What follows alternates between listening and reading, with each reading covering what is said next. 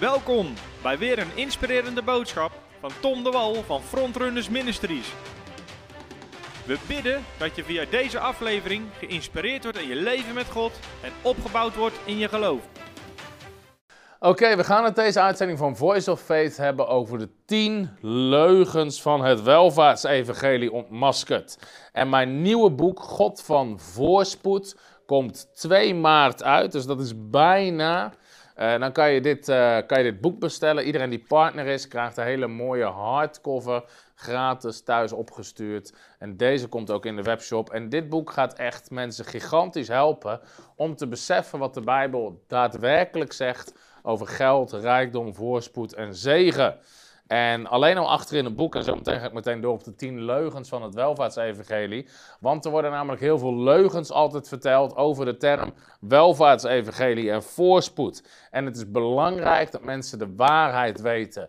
Want ik zei net al in mijn gebed, je zal de waarheid kennen en de waarheid zal je vrijzetten. En dit is de waarheid. Het woord van God. Niet wat wij denken, niet wat we voelen, niet wat we vinden, niet wat iemand anders zegt uiteindelijk alleen wat God zegt. En daarom zeg ik ook altijd in mijn samenkomsten: je hoeft mij niet te geloven, maar geloof het woord. En dat is zo belangrijk.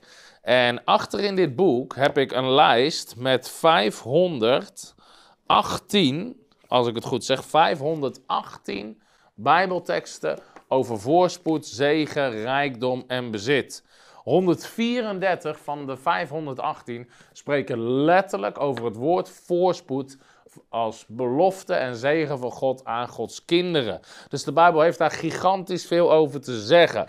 Maar het ligt ook heel gevoelig bij heel veel mensen. Alleen het woord voorspoed of het woord welvaart ligt heel gevoelig. En daarom gaan we het deze video hebben over de tien leugens van het welvaartsevangelie uh, ontmaskerd.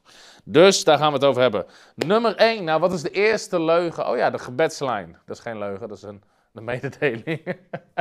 de gebedslijn is open, dus als je dit kijkt, je hebt gebed nodig. Bel, nummer komt onder in beeld. 085 488 2323. dan kan je bellen voor gebed. Onze ministerteam zit er klaar om met je en voor je te bidden. Oké. De leugens van het welvaartsevangelie. Nou, de eerste leugen die vaak verteld wordt is de volgende. En dat is, de Bijbel spreekt niet over voorspoed, rijkdom en zegen. Zodra je het hebt over welvaart, zijn er altijd mensen zeggen, ja, maar de Bijbel spreekt daar helemaal niet over. En soms denk ik wel eens, nou welke Bijbel heb je dan gelezen? Want ik zei net al, achter in mijn boek heb ik een bijlage met 518 Bijbelteksten die spreken over welvaart, voorspoed, zegen en rijkdom. En het zijn ze niet eens allemaal. Dan heb ik nog niet alle teksten over offers, over tienden, over geven aan armen, over allerlei andere dingen die je er ook onder zou kunnen scharen. Die heb ik er dan nog niet eens tussen zitten. 518 teksten die daar direct over spreken uit het Oude en uit het Nieuwe Testament. En toch zie je dat uh, mensen dat blijven zeggen. En daarom zeg ik vaak, er zit een verschil tussen wat mensen denken wat de Bijbel zegt en wat de Bijbel daadwerkelijk zegt. En um, een van de dingen die we moeten begrijpen is dat zowel het Oude als het Nieuwe Testament spreken over voorspoed, succes en welvaart. 3 Johannes 1, vers 2, een hele bekende tekst. Daar staat geliefde, ik wens. De Engelstaling zegt I pray, ik bid.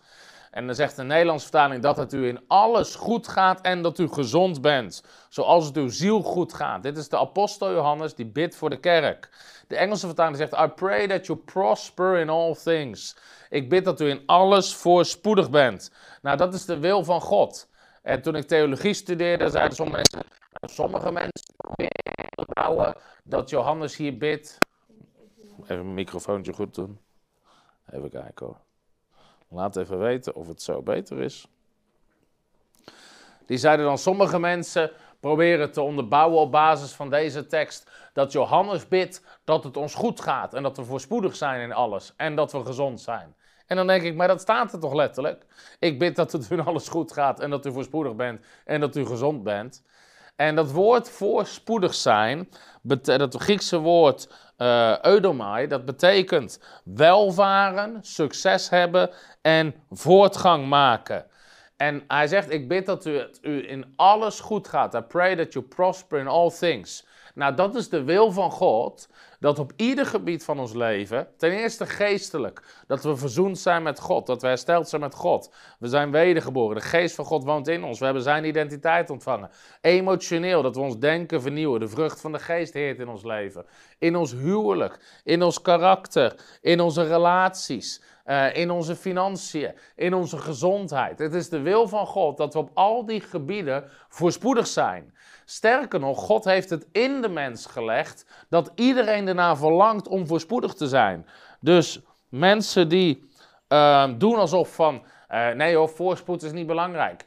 Nou, ik ken niemand die graag niet voorspoedig is, die niet succesvol is. Er is niemand, uh, er is ook geen kind waar je aan vraagt van wat wil je laten worden. Nou, ik wil graag dat dit mislukt. Dat mijn huwelijk mislukt, dat mijn eigen gezin mislukt, dat mijn baan mislukt, dat mijn bedrijf mislukt. Ik wil later graag arm zijn.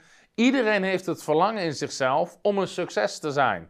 Mensen willen goed zijn in sport. Mensen willen een gezond huwelijk hebben. Mensen willen gezond zijn in hun gezondheid. Mensen willen voldoende financiële middelen hebben. God heeft dat in ons gelegd. En in mijn preek op de Blessed Conference leg ik dat ook uit.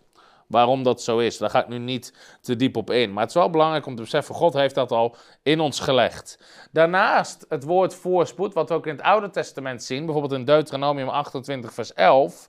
Nou, in de HSV is die slecht vertaald. Daar staat, bijvoorbeeld in de Willybord vertaling, de Heere zal u rijke overvloed in alles geven. De HSV zegt, de Heer zal u een overvloed ten goede geven.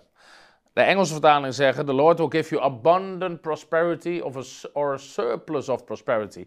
Een overvloed aan voorspoed. Nou, en het woord voorspoed betekent meer dan genoeg. Misschien kunnen mensen dat in de reactie zetten. Meer dan genoeg. En daar ga ik zo meteen ga ik daar wat over zeggen, waarom dat zo ontzettend belangrijk is. Maar dat is wat God voor ons in gedachten heeft, is dat we meer dan genoeg hebben. Waarom? Omdat God ons roept om een zegen te zijn. Nou, waarom begin ik met deze inleiding? Omdat ik even naar het woord welvaartsevangelie wil. Dat is een term die mensen echt zo met zo'n, uh, meteen met zo'n bizarre stem, pas op voor het welvaartsevangelie. Ze gaan er ook altijd heel lelijk bij kijken. Ze proberen het een demon na te doen als ze het uitspreken. Maar als het gaat om welvaartsevangelie, wat is de definitie van welvaart? Als je dit opzoekt, welvaart is de mate waarin de behoeften met de beschikbare middelen kunnen worden bevredigd. Een andere definitie zegt: het gaat om het hebben van voldoende financiële middelen om in de eigen behoeftes te kunnen voorzien. Nou, als dit de definitie is volgens de wereld van welvaartsevangelie, dan geloof ik absoluut niet in welvaartsevangelie. Ik geloof namelijk niet dat het Gods plan is dat we alleen maar voldoende financiële middelen hebben om in onze eigen noden te kunnen voorzien. Zoals een dak boven ons hoofd, eten voor onszelf en voor onze kinderen, kleren en dat soort dingen.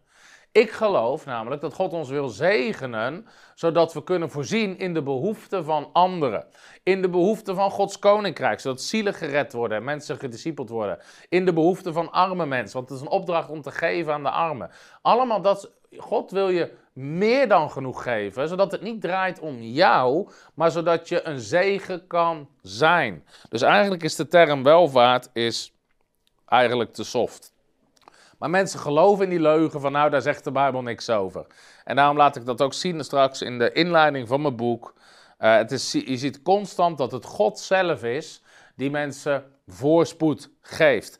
De Bijbel zegt, Abraham was zeer rijk. Genesis 13, vers 1 en 2. Aan zilver en goud en aan vee. Want God zegende hem. Uh, niemand kon ook zeggen, ik heb Abraham rijk gemaakt. Want God, uh, Abraham wilde alleen de eer aan God geven. Isaac, Genesis 26, vers 13. De man werd rijker en rijker totdat hij schatrijk was geworden. Uh, Jacob, dat zegt de Bijbel van in Genesis 30, vers 43 in het boek. Dankzij die tactiek groeide Jacobs kudde en werd hij steeds rijker. En de Bijbel zegt dan in Genesis 31, vers 9: God heeft mij rijk gemaakt. Dus al die mensen, het volk Israël, uh, de koningen van Israël, dan gaan ze nu niet allemaal opsommen, maar je ziet constant dat het God is die mensen rijk maakt. De zegen van de Heer maakt rijk en hij voegt daar geen zorgen aan toe. Over de rechtvaardige zegt de Bijbel in Psalm 112, vers 3. Bezit en rijkdom zal zijn in het huis van de rechtvaardige. Bezit en rijkdom gaat over fysieke, financiële middelen. Dus um, de Bijbel spreekt wel degelijk over voorspoed, rijkdom en dat soort dingen. En dat is het eerste wat mensen moeten beseffen. En ik denk dat ik dit ook met Voice of Faith wil gaan doen. Ik heb hierin, in dit boek, 100 vragen voor mensen die niet geloven in voorspoed. Ik denk dat ik daar binnenkort een serie over ga doen. Misschien dat we ze in twee uitzendingen kunnen doen.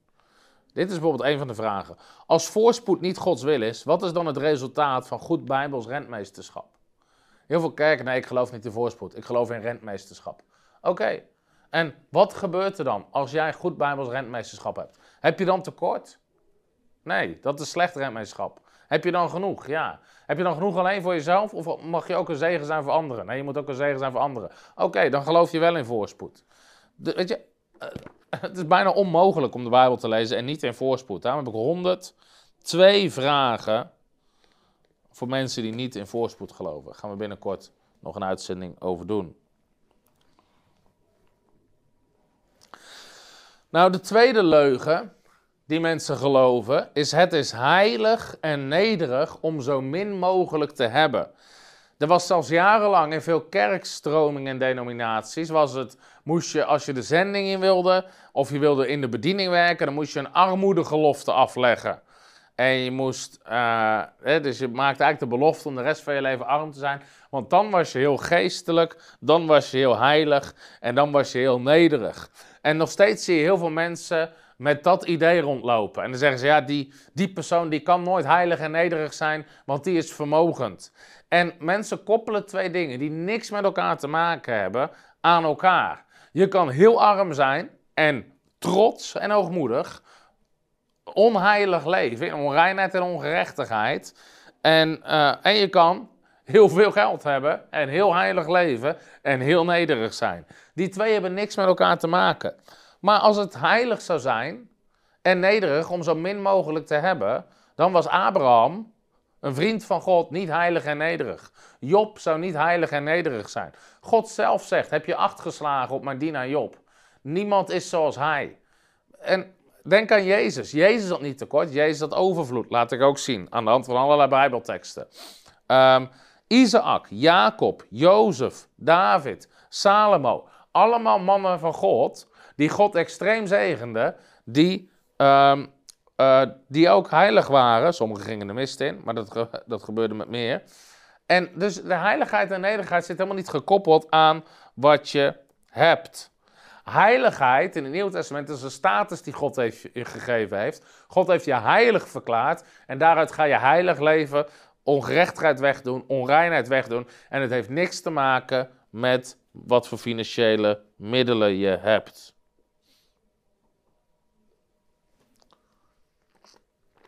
Nou, je ziet in de reacties weer dezelfde dingen.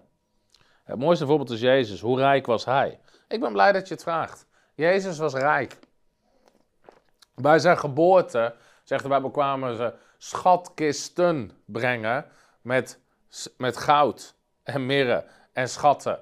Jezus leefde boven natuurlijk meer dan genoeg boven natuurlijke visvangsten, voedselvermenigvuldiging. Lucas 8, vers 1 zegt dat er een groep mensen was, waaronder zeer vermogende mensen, die Jezus onderhielden uit zijn eigen bezittingen. Jezus had een schatbewaarder, een rentmeester. Als je geen geld hebt, heb je niet iemand nodig die het voor je beheert. En Judas stal nog eens een keer van de kas en de andere discipelen hadden het niet door. Jezus had meer dan genoeg financiële middelen. En God is helemaal niet geïnteresseerd. En dit is wat, dit is wat, uh, wat mensen niet snappen. God is helemaal niet geïnteresseerd in wat voor huis je, en aan de ene kant niet, in wat voor huis je woont, in wat voor auto je rijdt, weet ik veel, wat voor kleren je draagt. Waar God in geïnteresseerd is, is in je hart. God is geïnteresseerd in je hart. En dat is het belangrijkste. En uit je hart, en de Bijbel zegt ook, waar je schat is, daar zal je hart zijn. Dus als je je schat stopt in het koninkrijk van God en Gods koninkrijk op de eerste plek zet in je leven, dat de prioriteit maakt. in je beslissingen, in je geven. Weet je, dan zit je hart zit ook goed. En dan maakt het niet uit of je een shirtje draagt van 5 euro, of van 50 euro, of van 70 euro, of wat dan ook. Mensen die, die denken heel erg beperkt, maar God is niet geïnteresseerd in wat er in je hart zit.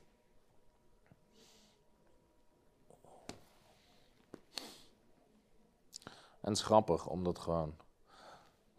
Kijk, mensen in de reactie, bijvoorbeeld Nathan. Verzamel geen schatten op aarde. Het is wel frappant dat je tot en met vers 34 citeert. Want jij zegt, zoek eerst het koninkrijk van God. En al deze dingen worden je erbij gegeven.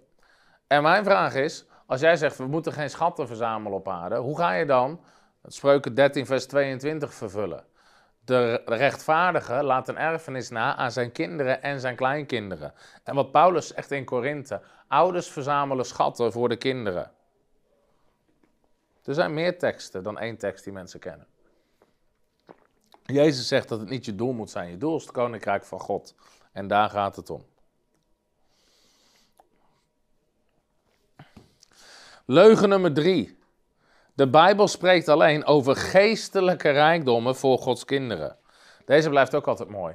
De Bijbel spreekt niet over fysieke zegeningen. De Bijbel spreekt alleen over geestelijke zegeningen. Nou, je moet ten eerste beseffen dat de hele fysieke wereld is uit het geestelijke voortgekomen. Het, de geestelijke wereld beïnvloedt de fysieke wereld. God zegende Abraham, dat was een geestelijke zegen. En dat was Genesis 12, vers 1. En in Genesis 13, vers 1 was Abraham zeer rijk aan zilver, goud en vee. Dat waren, dat waren geen geestelijk goud, dat was geen geestelijk zilver, waren ook geen geestelijke schapen. Dat was fysieke zegen.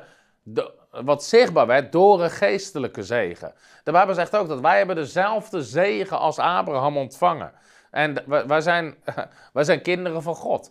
En dat zal zich ook manifesteren in de natuurlijke wereld. In de natuurlijke wereld. De Bijbel spreekt over allerlei. Jezus deed ook allerlei materiële wonderen. Hij veranderde water in de beste wijn. Dat was geen geestelijke wijn. Hij zorgde ervoor dat ze netten vol met vis vingen. Dat waren geen geestelijke vissen. Jezus vermenigvuldigde voedsel. Dat was geen geestelijk voedsel. Dat waren fysieke materiële wonderen. In Filippenzen 4, waar Paulus overduidelijk over financiën spreekt, zegt in vers 19: God zal voorzien in alles wat u nodig hebt, overeenkomstig zijn rijkdom in Christus Jezus. Dat, zijn, dat gaat niet over geestelijk, dat gaat over financiële dingen, niet alleen over geestelijk geld. Dus de Bijbel spreekt wel degelijk heel veel over gewoon fysieke en materiële zegen. En mensen moeten stoppen met dat loskoppelen uit elkaar. Van, hey, God is alleen maar geïnteresseerd in hele geestelijke dingen. Dat is onzin. Mensen trekken uit elkaar. We hebben geest, ziel en lichaam. Die God allemaal gemaakt heeft, die God allemaal belangrijk vindt. En volgens zeggen mensen: eh, nee hoor, genezing is niet belangrijk. God vindt jouw lichaam niet belangrijk. Als God jouw lichaam niet belangrijk vindt, waarom heeft hij hem je dan gegeven? En mensen zeggen van nee, materiële dingen, dat is niet belangrijk. God is alleen maar geïnteresseerd in het geestelijke. Nee, het lijkt bijna schizofreen. Mensen willen het uit elkaar trekken. Maar God is een goede vader. Weet je, zoals je bij je eigen kinderen ben je geïnteresseerd in hun geestelijke relatie. Hoe gaat, het met, hoe gaat het in hun relatie met God? Daarin ben je geïnteresseerd. Maar je bent ook geïnteresseerd in al het andere. Hoe gaat het met ze emotioneel? Hoe gaat het met ze financieel? Hoe gaat het met hun gezondheid? Als natuurlijke ouder zeg je ook niet: nee hoor jongen, alleen het geestelijke is belangrijk. De rest doet er niet toe. Het maakt niet uit als je ziek bent. Het maakt niet uit als je geen geld hebt. Het maakt niet uit als je emotioneel helemaal in de kreukels ligt. Iedere natuurlijke ouder weet dat dat wel uitmaakt. En God is ook zo. God is betrokken bij ieder gebied van je leven. Dus mensen moeten stoppen om het geestelijke zo te. Uh, het geestelijke te overgeestelijken. Psalm 112 zegt: Gezegend is de man die de Heere vreest, die grote vreugde vindt in zijn geboden. Zijn nageslacht zal machtig zijn op aarde. Het geslacht van de oprechte zal gezegend worden. En dan staat er in vers 4, uh, eh, in vers 3, en in zijn huis zal bezit en rijkdom zijn. Dus vers 2 zegt, de Heere zal hem zegenen. En meteen de uitwerking, in zijn huis zal bezit en rijkdom zijn. En dit is mooi. En zijn gerechtigheid houdt voor eeuwig stand.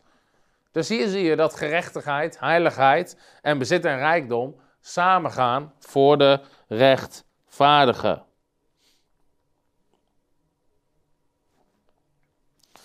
Marijn stelt een vraag. God spreekt absoluut van voorspoed, maar waarom was Paulus niet rijk en zelf arm? Nou, dat is niet zo. Paulus was niet arm. Paulus was in bepaalde situaties, had hij tekort door vervolging. Dat is belangrijk. En bijvoorbeeld in Filippenzen spreekt hij erover. En inderdaad in de tekst die je aanhaalt, in 2 Korinthe, heeft Paulus erover dat in periodes van vervolging, waar Paulus in de gevangenis zat, had hij te maken met tekort. Als leider voor het evangelie in periodes van vervolging. Niet altijd. Als Paulus uit de gevangenis was, en zelfs op sommige momenten dat hij in de gevangenis zat, was hij zeer voorspoedig.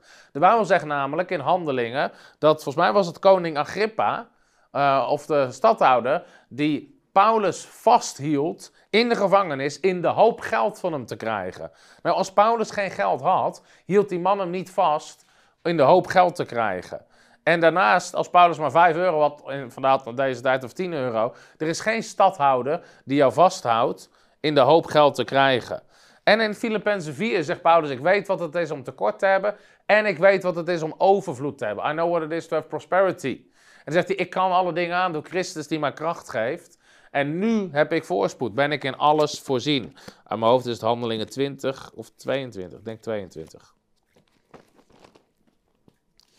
Handelingen 22, vers. Even kijken. Waar staat het?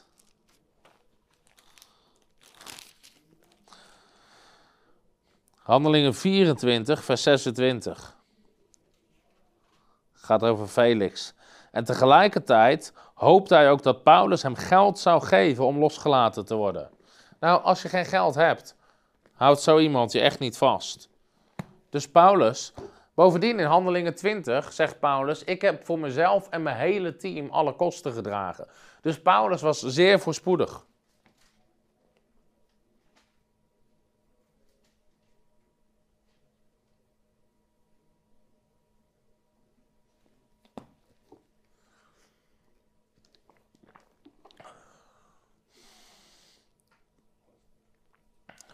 Iemand anders stelt een andere vraag en ik ga gewoon tijd nemen voor vragen. Ernst vraagt, ik hoop niet dat het een ernstige vraag is. Laat ik het eens omdraaien. Kan het gebeuren dat God zijn kinderen met minder tevredenheid kan leren? Nou, God, uh, kinderen van God moeten sowieso, de Bijbel spreekt over tevredenheid. Je moet tevreden zijn in iedere situatie. En dat betekent dat je wil totaal niet dat je identiteit afhangt van de hoeveelheid materiële bezittingen die je hebt of niet hebt. Jouw waarde is, je bent een kind van God, of je veel hebt of je weinig hebt. En je mag gewoon tevreden zijn. En tegelijkertijd geloof ik dat het gezond is om te verlangen naar meer, om een grotere zegen te zijn voor het koninkrijk van God. Dus ik kan ook zeggen dat we hebben periodes gehad van tekort vroeger en we hebben periodes gehad van overvloed. En het mooiste vind ik aan overvloed is de zegen die je kan zijn voor het koninkrijk, voor mensen om je heen, dat je gewoon een verschil kan maken. Dat je hoort dat als er, een, als er zielen gered moeten worden, dat je niet een tientje kan geven, maar dat je honderden, duizenden tot tienduizenden kan geven. Dat je op een ander niveau het koninkrijk van God kan bouwen. En ik denk, we moeten allemaal dat verlangen hebben. En dat was ook wat koning David bad in 1 Kronieken 29. Waar mensen massaal begonnen te geven aan de, uh, aan de tempel. En zegt David, bewaar voor eeuwig deze gezindheid in het hart van uw volk dus als het goed is, willen we in ons hart willen we bouwen aan het koninkrijk van God. Oké, dan kom ik meteen bij het volgende. De vierde leugen. De Bijbel waarschuwt voor het hebben van veel geld. Nou, deze zie je ook vaak. Mensen zeggen, ja, maar de Bijbel waarschuwt dat we niet veel geld mogen hebben. Nou, de Bijbel waarschuwt daar helemaal niet voor. Waar waarschuwt de Bijbel voor in relatie tot geld? Tot een van deze drie dingen. Het vertrouwen op geld, het liefhebben van geld of het dienen van geld. Dus het eerste hoofdstuk, ik heb in dit boek tien fundamenten uh, om voorspoed te begrijpen. En het allereerste hoofdstuk gaat hierover. God waarschuwt voor het vertrouwen op geld en het liefhebben van geld. En dan laat ik zien dat iedere tekst in het Nieuwe Testament, ook alle teksten die mensen nu aanhalen, die waarschuwen voor het vertrouwen op geld. Vertrouw niet op geld. Heb geld niet lief en zorg ervoor dat, dat jij geld niet dient. In andere woorden, wij moeten op God vertrouwen, God lief hebben en geld zou ons moeten dienen. wij moeten heersen over de mammon. Maar ik ken mensen met heel weinig geld die enorm houden van geld, die enorm vertrouwen op hun geld en die compleet het geld dienen. En ik ken ook mensen met heel veel geld, zeer veel vermogen, die niet lief hebben hun geld, die niet vastzitten aan hun geld, die niet vertrouwen op hun geld en wat geld hun leven niet dient. Dus ook daarin is het niet afhankelijk van de hoeveelheid die je hebt. Bovendien waarschuwt de Bijbel niet voor het hebben van geld, want de Bijbel zegt juist dat God wil onze voorraadschuren vullen. Nou, wat is dat vandaag de dag? Dat zijn je, bankrekeningnummer, uh, je bankrekeningen.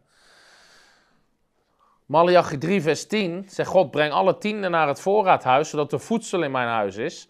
Beproef mij toch hierin, zegt de Heer van de legermachten, of ik niet de vensters van de hemel voor u zal openen en zegen zal uitgieten, zodat er geen schuren genoeg zullen zijn. Dus mensen zeggen, nee, God wil niet dat we iets hebben.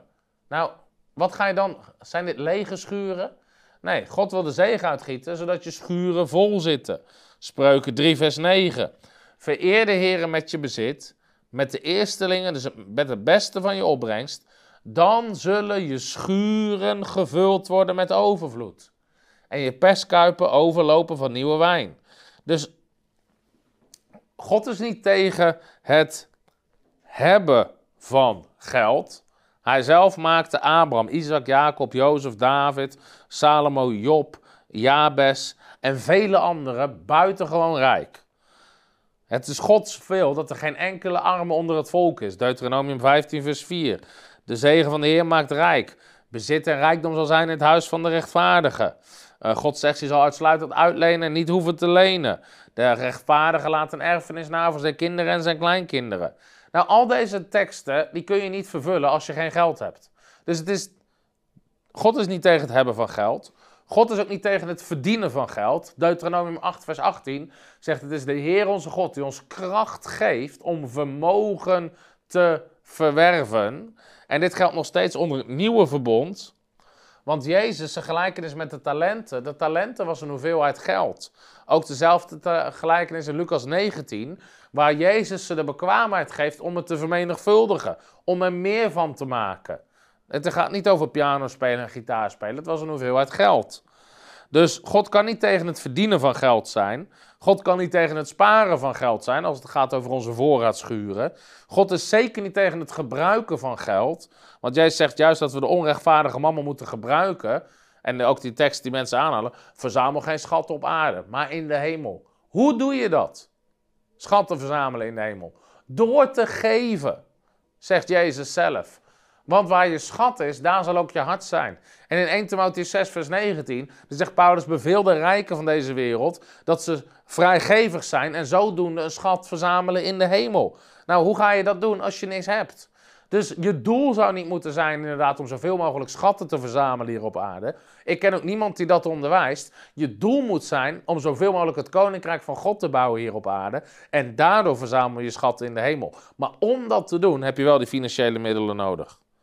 Maar de teksten in de Bijbel die waarschuwen gaan over vertrouwen, het liefhebben en het dienen van geld.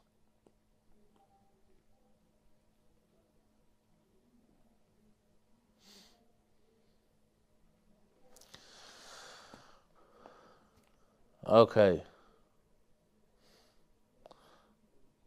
Nou, ook Marijn citeert weer halve teksten. Al die teksten, nogmaals, daarom schrijf ik boeken. Al die teksten leg ik in de hele context uit in mijn boek. Want je citeert weer alleen de eerste helft. Als je kijkt naar vers 19, beveel de rijken nu van deze wereld. En dan zegt Paulus, dat, dat, eh, God verschaft ze alle dingen in rijke mate om van te genieten. God heeft ze gegeven om van te genieten. Ze moeten, rij, ze moeten vrijgevig zijn, goede werken doen en zo verzamelen voor zichzelf een schat. En als je de context kijkt, waarschuwt Paulus over dwaalleraren met een financieel motief die een totaal andere leer brachten, niet overeenkomstig de leer van uh, Jezus. En dat is waar hij voor waarschuwt. Oké. En bovendien, we hebben het dus over de vierde leugen. dat de Bijbel waarschuwt voor het hebben van veel geld, wat dus niet zo is. Bovendien wisten mensen dat, dat de Bijbel waarschuwt voor armoede. Mensen kennen altijd heel selectief teksten. Maar de Bijbel waarschuwt voor armoede en de negatieve gevolgen van armoede. Spreuken 10, vers 15. Het bezit van een rijke is zijn sterke stad.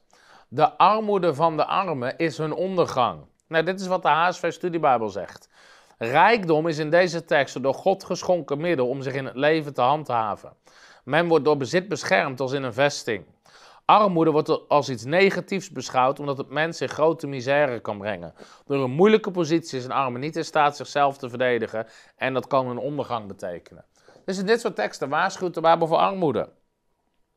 De Bijbel zegt ook, door armoede wordt de mens van zijn vriend gescheiden.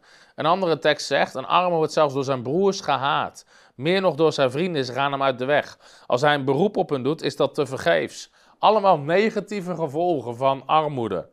De Bijbel zegt in Prediker 9, vers 16: De wijsheid van de arme wordt veracht, omdat er niemand naar zijn woorden luistert.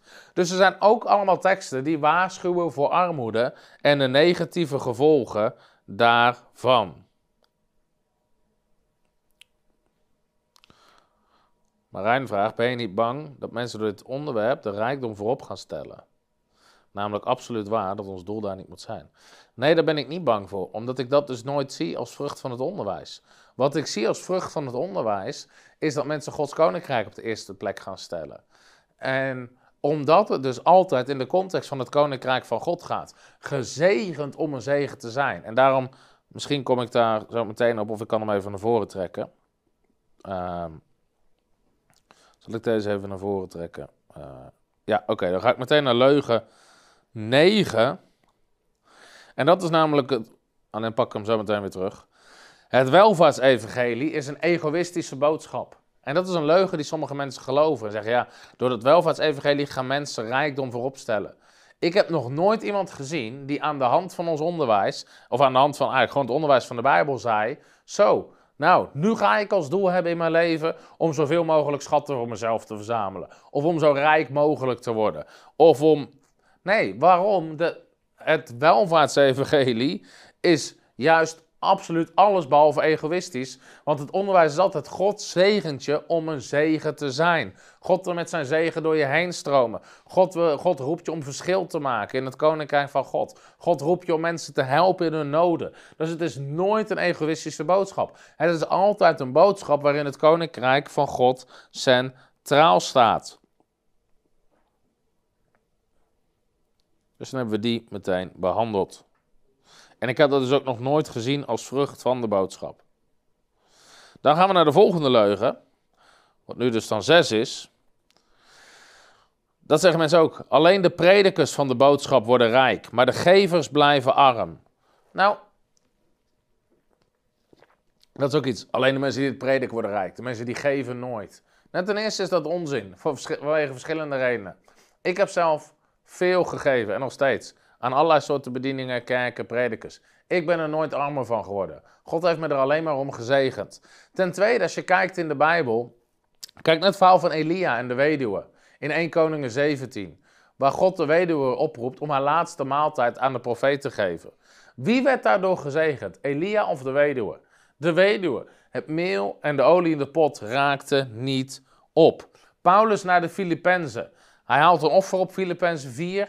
Hij zegt: Het gaat me niet om het geld, het gaat me om de vrucht die op uw rekening toeneemt. Daar zie je weer hoe kwam een vrucht op hun hemelse bankrekening door te geven. En Paulus zegt: Nu jullie mij hebben voorzien, zal God jullie in alles voorzien. Dus zij werden er beter van. Hetzelfde naar de Corinthiërs. Zei Paulus: Wie karig zaait, zal karig oogsten. Wie veel zaait, zal veel oogsten. God zal u in staat stellen om altijd al het nodige bezit te hebben, om overvloedig te kunnen zijn in elk goed werk. God geeft je zaad om te zaaien, brood om te eten en wil je zaai goed doen toenemen. 2 Korinthe 9. Zij werden gezegend. In de Bijbel is het juist altijd zo dat degene die geeft, wordt gezegend. Niet degene die ontvangt. En daarom zei Jezus ook: Het is zaliger om te geven dan om te ontvangen. Handelingen 20, vers 35. En bovendien, als het dan even gaat om de Nederlandse context. Ik kan niet misschien spreken eh, vanwege eh, iedere. eh, maar in de Nederlandse context is het zo vaak zo dat de meeste kerken en bedieningen, zoals frontrunners, een ambistatus hebben waarmee je aan allerlei regelgeving moet voldoen. Waar je een bestuur hebt, een raad van toezicht, een accountant, al die dingen meer. Dus vaak is het zo dat in Nederland, ik, in, ik weet dat het in andere landen soms anders is. Soms in het buitenland en andere landen heb ik ook gezien dat 100% van de giften eh, naar de voorganger gaat of zo. Maar ik denk dat dat extreme situaties zijn die in Nederland niet voorkomen.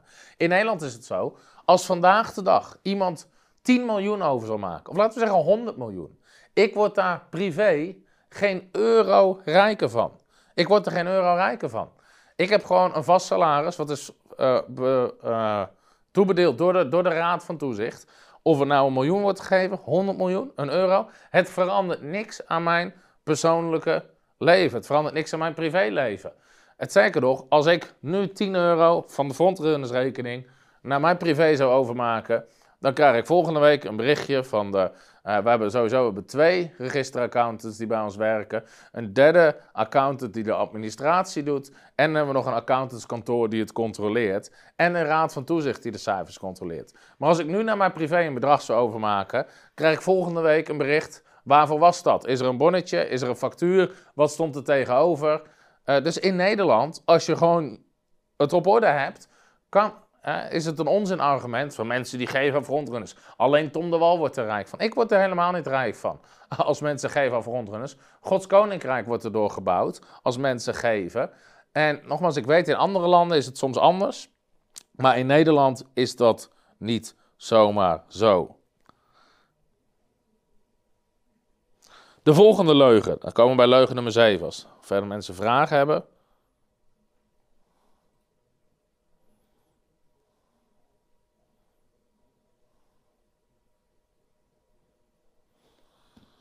Is deze. Het is onbijbels om mensen op te roepen om te geven. Het verbaast me altijd hoe verontwaardigd mensen kunnen reageren op offers en offeronderwijs. Terwijl het mooie aan een offer is, daarom alles wat wij doen is gratis. Deze uitzending is gratis. Iedereen kan dit bekijken. Het is niet gratis om te maken. We zitten hier in een videostudio met weet ik veel, wat 20.000, misschien wel veel meer, 20.000 euro aan apparatuur. We hebben betaalde medewerkers, zitten dit te bewerken, te verwerken, voor te bereiden, al die dingen meer. Maar iedereen kijkt dit gratis. Al onze boeken zijn gratis. Onze bijbelscholen zijn gratis, inclusief onze voltijdschool. Onze campagnes zijn gratis, conferenties zijn gratis. Alles is gratis. Het enige wat we doen is offers. Mensen kunnen geven als ze willen. Als mensen niet willen geven, geven ze niet. En eh, er zullen veel mensen zijn die misschien niks geven. Die naar alle diensten komen, die nooit iets geven. En iedereen is vrij om te geven of niet te geven. De Bijbel zegt dat je gezegend wordt als je geeft. Maar het verbaast mij hoe allergisch mensen reageren op offers. Daar worden offers opgehaald. Ze nemen iedere dienst tijd voor offers. Mensen reageren allergisch op offers. Maar mensen reageren niet allergisch op het wereldse systeem van tickets. Waar ik me aan erger en irriteer, is kerken, conferenties waar je tickets moet kopen om diensten te bezoeken. Ik geloof dat dat niet volgens het woord van God is. Ik geloof dat iedereen binnen moet kunnen komen in de dienst.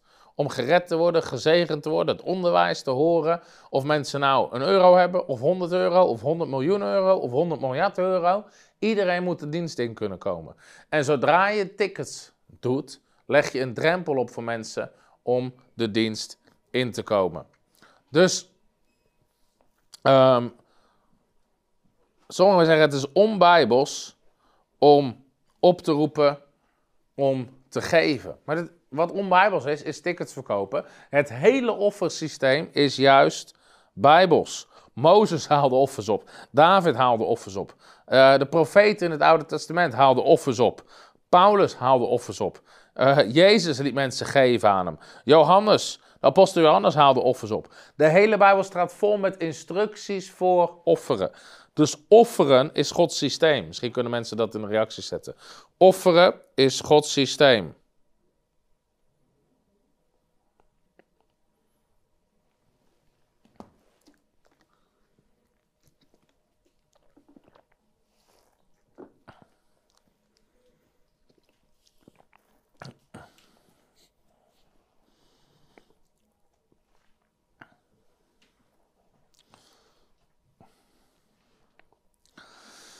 Nou, David zei ook over offeren: Heer, bewaar voor eeuwig deze gezindheid in het hart van uw volk. 1 Kronieken 29, vers 18.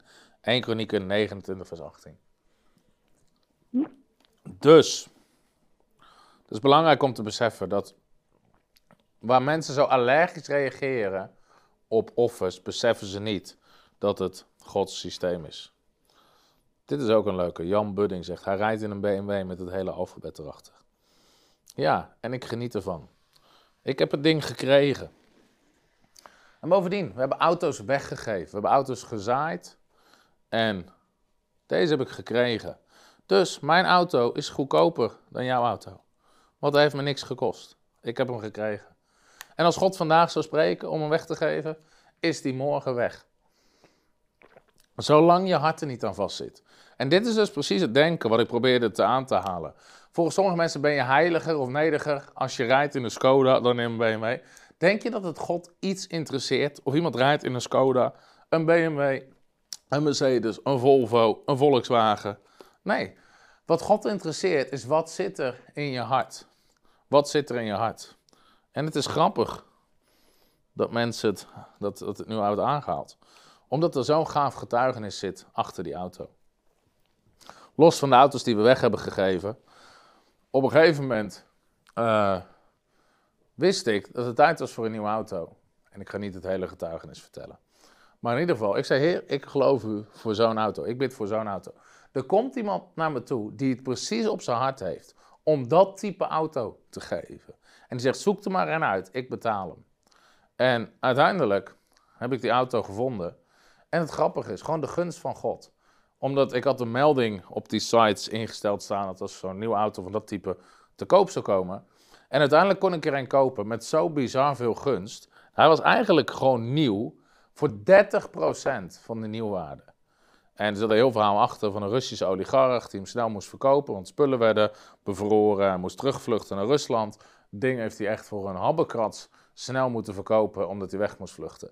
En ik heb die melding gewoon aan laten staan. Uh, maar ik had mijn droomauto gevonden. Tot op de dag van vandaag, en ik weet niet hoe lang ik hem nu heb, anderhalf jaar of zo denk ik, is er niet meer zo'n mooie auto te koop gekomen. En zelfs de auto's die er nu opkomen, zijn veel duurder dan wat ik er toen voor betaald heb.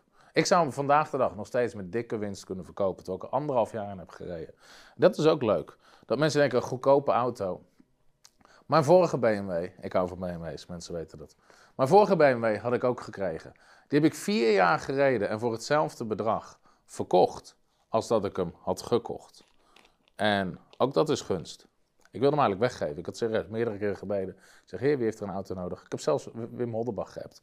Wim, ken je iemand? Een evangelist, de voorganger die een auto nodig heeft. Ik, heb, ik wil hem weggeven. Maar we hadden niemand op ons hart. Dus ik had hem verkocht. Het geld hebben we weggegeven. en uiteindelijk hebben we deze gekregen. En nogmaals, als God vanmiddag spreekt, of vanavond spreekt, is die morgen weg. Je zit nergens aan vast met je hart. En God is er helemaal niet in geïnteresseerd. Maar ja, als je auto's weggeeft, ga je auto's oogsten.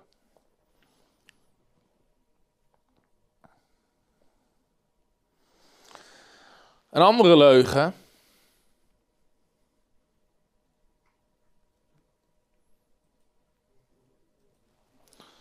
Jake, Jacob of Jacobs zegt iets, ik ga geen specifieke personen noemen. Over extreme luxe en veroordeelt dit. Heb je eens een boek gelezen? Nee, heb ik niet gedaan. Hoe zie jij dit? Nou, ik denk dat wat, wat het allerbelangrijkste, nogmaals, God is niet heel erg geïnteresseerd in wat voor huis je, uh, wat voor huis je woont, wat voor auto je rijdt. Waar God er geïnteresseerd is, is in je hart. En trouwens, de persoon die je nu noemt, heeft zichzelf er ook van bekeerd. Die heeft gezegd dat hij daar dingen niet goed in heeft gedaan. Maar ik weet bijvoorbeeld een prediker waar iedereen hem veroordeelt om zijn huis of wat hij heeft. Maar de reden hoe hij daaraan komt, is niet vanwege geld uit de bediening is omdat hij ooit grond heeft gekocht waar olie onder is gevonden. Die man heeft miljoenen verdiend met olie. Weet je hoeveel miljoenen die heeft weggegeven? Hoe gigantisch gezegd is. En daarnaast nog ruim genoeg heeft om in een mooi huis te wonen. Dus soms weten mensen het verhaal erachter niet. dus je moet heel erg oppassen met iets veroordelen, van als je mensen niet kent, omdat je geen idee hebt hoe ze eraan komen. Misschien hebben ze het gekregen, misschien hebben ze het helemaal los van de bediening verkregen, heeft God ze op andere manieren gezegend, wat dan ook. Je weet niet wat. Sommigen hebben misschien 90% weggegeven. Van de 10% die ze overhielden, hebben ze een mooi huis gekocht of een mooie auto gekocht. Weet je, het is ze gegund als dat de situatie is.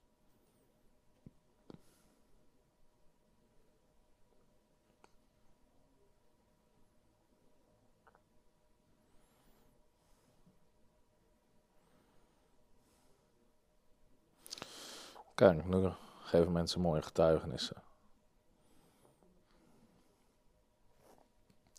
Oké, de volgende leugen is het welvaartsevangelie werkt alleen in het rijke westen. Nou, die hoor je ook van. Dat welvaartsevangelie werkt alleen in Amerika, in het rijke westen.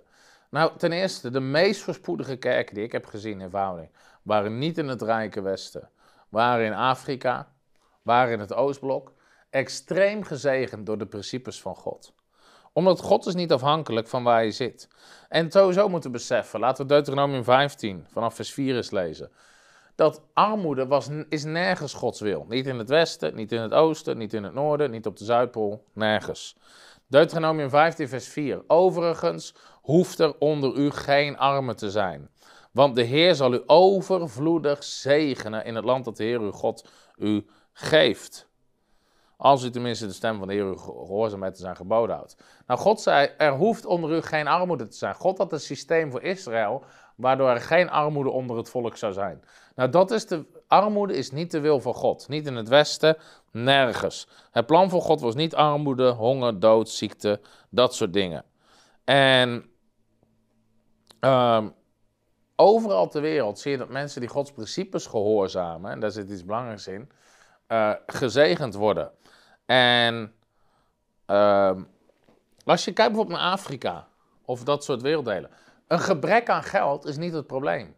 Anders zouden wij vandaag met het hele Westen 100 miljard over kunnen maken en dan zou het morgen opgelost zijn. Maar iedereen weet dat als we dat zouden doen, is er morgen niks opgelost. Omdat het probleem zit niet in een gebrek aan geld.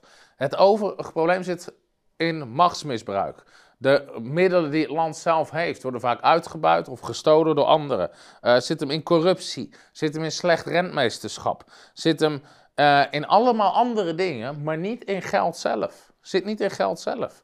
En zijn al die dingen de wil van God? Nee, dat is niet in lijn met de wil van God. Kijk naar ex-communistische landen waar mensen vaak arm zijn. Omdat ze arm werden gehouden door de overheid. Was dat de wil van God? Nee, is niet de wil van God. Maar juist in dat soort landen zie je de grootste getuigenissen van zegen en voorspoed. Oké, de volgende leugen, de ene laatste, leugen 9, is geven om meer terug te krijgen is verkeerd. Dat zie je ook altijd. Uh, je mag niet geven met de bedoeling om meer terug te krijgen. Nou, het doel om te geven, Jezus zelf zegt: geef, Lucas 6, vers 38, en aan u zal gegeven worden. Een goede overlopen, geschuddende maat zal men u in de schoot werpen, want de maat waarmee u meet, met dezelfde maat zal u gemeten worden. Uh, iedere tekst die ons oproept om te geven, koppelt daar een oogst aan vast. 2 Korinthe 9, vers 6. Wie karig zaait, zal karig oogsten. Wie zegenrijk zaait, zal zegenrijk oogsten. Dan staat er verder in vers 8, 9 en 10. God geeft brood aan de eter, aan de zaaier en hij wil uw zaaigoed doen toenemen. Zo zult u in alles rijk worden, tot alle vrijgevigheid in staat, zodat u overvloedig kunt zijn in elk goed werk. Dus altijd als de Bijbel oproept om te geven, vereer de Heer met je bezit en hij zal je schuren doen overlopen. Breng alle tienden naar het voorraadhuis, er zullen geen schuren genoeg zijn en ik zal zegen uitgieten. Alle teksten over geven koppelen er een beloning aan vast. Spreuken 11, vers 24. Er zijn mensen die mild uitdelen en nog meer ontvangen. Er zijn mensen die meer inhouden dan rechtmatig is, maar het is tot gebrek. Nou, waarom geef je? Nummer 1, omdat je van God houdt. Nummer 2, omdat je zijn koninkrijk wil bouwen. En soms, waarom stop je zaad in de grond? Zodat er een oogst komt, zodat je daarna weer meer kan zaaien. Dus geven om meer terug te krijgen is helemaal niet verkeerd, omdat je daarna ook weer meer kan geven. De Bijbel vergelijkt het met zaaien en oogsten. Tegen een boer zeg je ook niet: je stopt toch geen zaad in de grond in de hoop dat er meer uitkomt dan dat je erin gestopt hebt. Hè? Natuurlijk hoopt een boer dat er meer uitkomt dan dat hij erin heeft gestopt. En waarom? Omdat God ons saai goed doen toenemen. 2 Korinthe hoofdstuk 9. Laten we die er even bij pakken.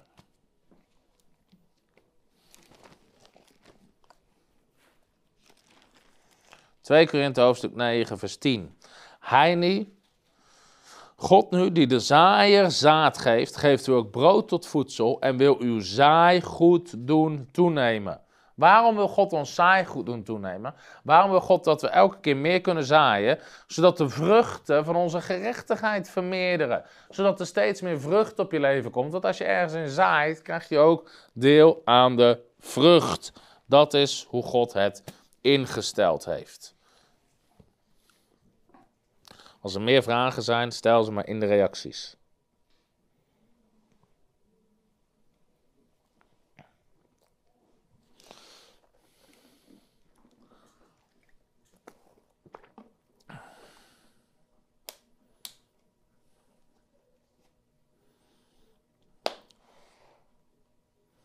Precies.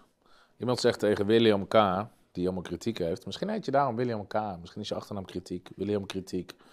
De les begon om 20 uur, om 8 uur. Je bent een beetje laat. Inderdaad, alle vragen die je stelt heb ik al uitgelegd. Maar speciaal voor jou ga ik er zo meteen nog een keer op in. Waarom wordt er zoveel gefocust op genezing of welvaart? Waar gaat het om? Heb ik antwoord op gegeven. En weet je waarom we focussen op genezing? Omdat de Bijbel zegt dat door Jezus' streamen de genezing is gebracht. Jezus liet zijn rug kapot slaan, liet zich martelen, zodat zijn kinderen konden genezen. Als Jezus ervoor geleden heeft, dan prediken wij het.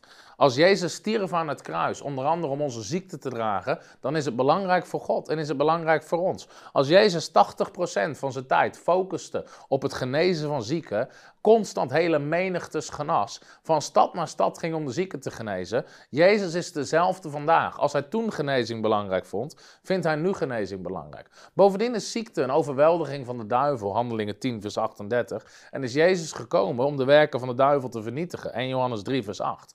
Dus dat is de wil van God en dat is waar we ons op inzetten. Waarom focussen we op welvaart? We focussen niet op welvaart, we focussen op het bouwen van Gods koninkrijk.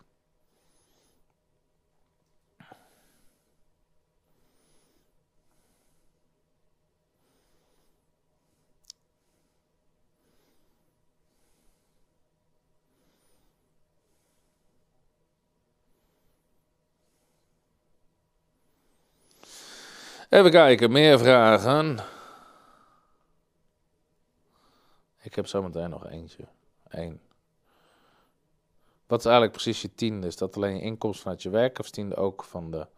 Tiende kan je geven over alles wat God toevoegt of zegent aan je leven. Dus inderdaad, als iemand je 1000 euro geeft, niet dat je dan tiende moet geven, maar het is, ik geloof dat het een goed principe is om 100 euro dan terug te geven aan God.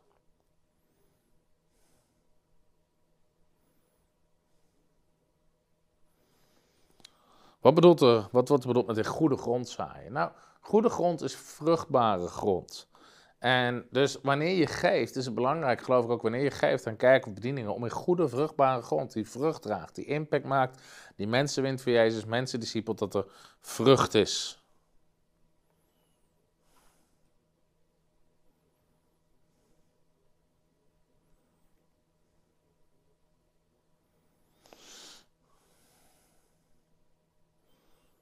Eens even kijken. Meer vragen. Oké, dan. Welvaartsevangelie en evangelistische boodschap hebben we al behandeld. En dan de volgende leugen. Dit is ook grappig, maar die zie je altijd. Het welvaartsevangelie presenteert een makkelijk leven zonder problemen waarin materiële bezittingen centraal staan.